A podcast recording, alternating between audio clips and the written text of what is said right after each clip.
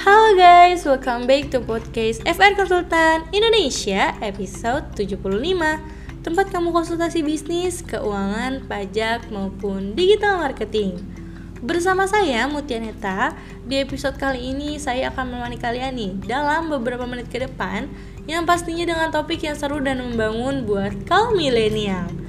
Are you ready to be a billionaire at young age? Pastiin kamu dengerin sampai selesai ya pada episode kali ini, saya akan membahas tentang pengertian restitusi pajak. Teman-teman tahu nggak sih restitusi pajak itu apa? Jadi, restitusi pajak itu adalah kondisi saat jumlah pengusaha kena pajak atau PKP menyetorkan pajak pertambahan nilai PPN lebih besar daripada jumlah PPN yang terhutang. Nah, dalam kata lain, restitusi sebagai pengembalian pembayaran PPN berlebih dari negara kepada PKP melalui Direktoral Jenderal Pajak atau biasa kita kenal DJP. Menurut Undang-Undang Nomor 28 Tahun 2007, sebagai dasar aturan restitusi PPN, menyatakan ketika jumlah kredit pajak atau jumlah pembayaran lebih besar dibanding jumlah terutang, maka DJP akan melakukan pemeriksaan, kemudian mengeluarkan surat ketetapan pajak lebih berbayar atau SKPLB. Jadi, kelebihan pembayaran pajak terjadi antara lain ketika eksportir dengan penjualannya dikenakan tarif 0%.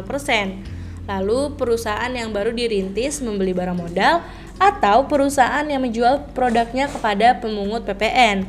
Sekarang kamu pasti tahu kan? Sudah mulai paham kenapa restitusi ini sangat penting dan berarti bagi wajib pajak. Lalu, apa sih dari tujuannya restitusi pajak? Nah, pada dasarnya, restitusi pajak muncul karena dilandasi atas banyaknya para pelapor yang melaporkan kelebihan pembayaran pajak yang dilakukan oleh pihak wajib pajak. Sedangkan di sisi lain, restitusi pajak adalah juga bertujuan sebagai jaminan kepercayaan yang diberikan oleh negara kepada para wajib pajak. Next, untuk beberapa kriteria yang perlu dipenuhi wajib pajak untuk dapat mencapai percepatan atas restitusi pajak berikut ini. Yang pertama, wajib pajak termasuk ke dalam ketiga kategori ini. A. Wajib pajak orang pribadi yang memiliki lebih bayar di bawah atau sama dengan 100 juta. Yang B. Wajib pajak badan yang lebih bayar di bawah atau sama dengan 1 miliar. Yang C termasuk pengusaha kena pajak atau PKP dengan lebih bayar di bawah atau sama dengan 1 miliar. Yang kedua, wajib pajak yang tepat waktu dalam menyampaikan SPT, tidak memiliki tunggakan pajak, laporan keuangan telah diaudit, dan mendapatkan opini wajar tanpa pengecualian WTP selama 3 tahun berturut-turut dan tidak pernah dipidana di bidang perpajakan dalam kurun waktu lima tahun terakhir.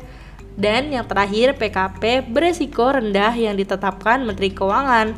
Dalam hal ini PKP yang dimaksud adalah perusahaan terbuka atau go public, BUMN atau BUMD, eksportir mitra utama, kebapenanan, mita, atau reputable trader yang profilnya dimiliki oleh Ditjen Bea Cukai. Nah, sudah selesai nih di episode kali ini mengenai restitusi pajak. Kira-kira gimana nih? Menarik gak sih pembahasan kali ini? Semoga teman-teman dapat paham ya. By the way, thanks banget nih buat para Gen Z yang udah dengerin sampai akhir di episode 75 mengenai yuk kita mengenal apa sih itu dari restitusi pajak. Untuk mendapatkan lebih banyak tips dan trik tentang bisnis, keuangan, pajak maupun digital marketing, Kalian pantau terus ya podcast FR Konsultan Indonesia dan tunggu updateannya di Instagram at FR Konsultan Indonesia.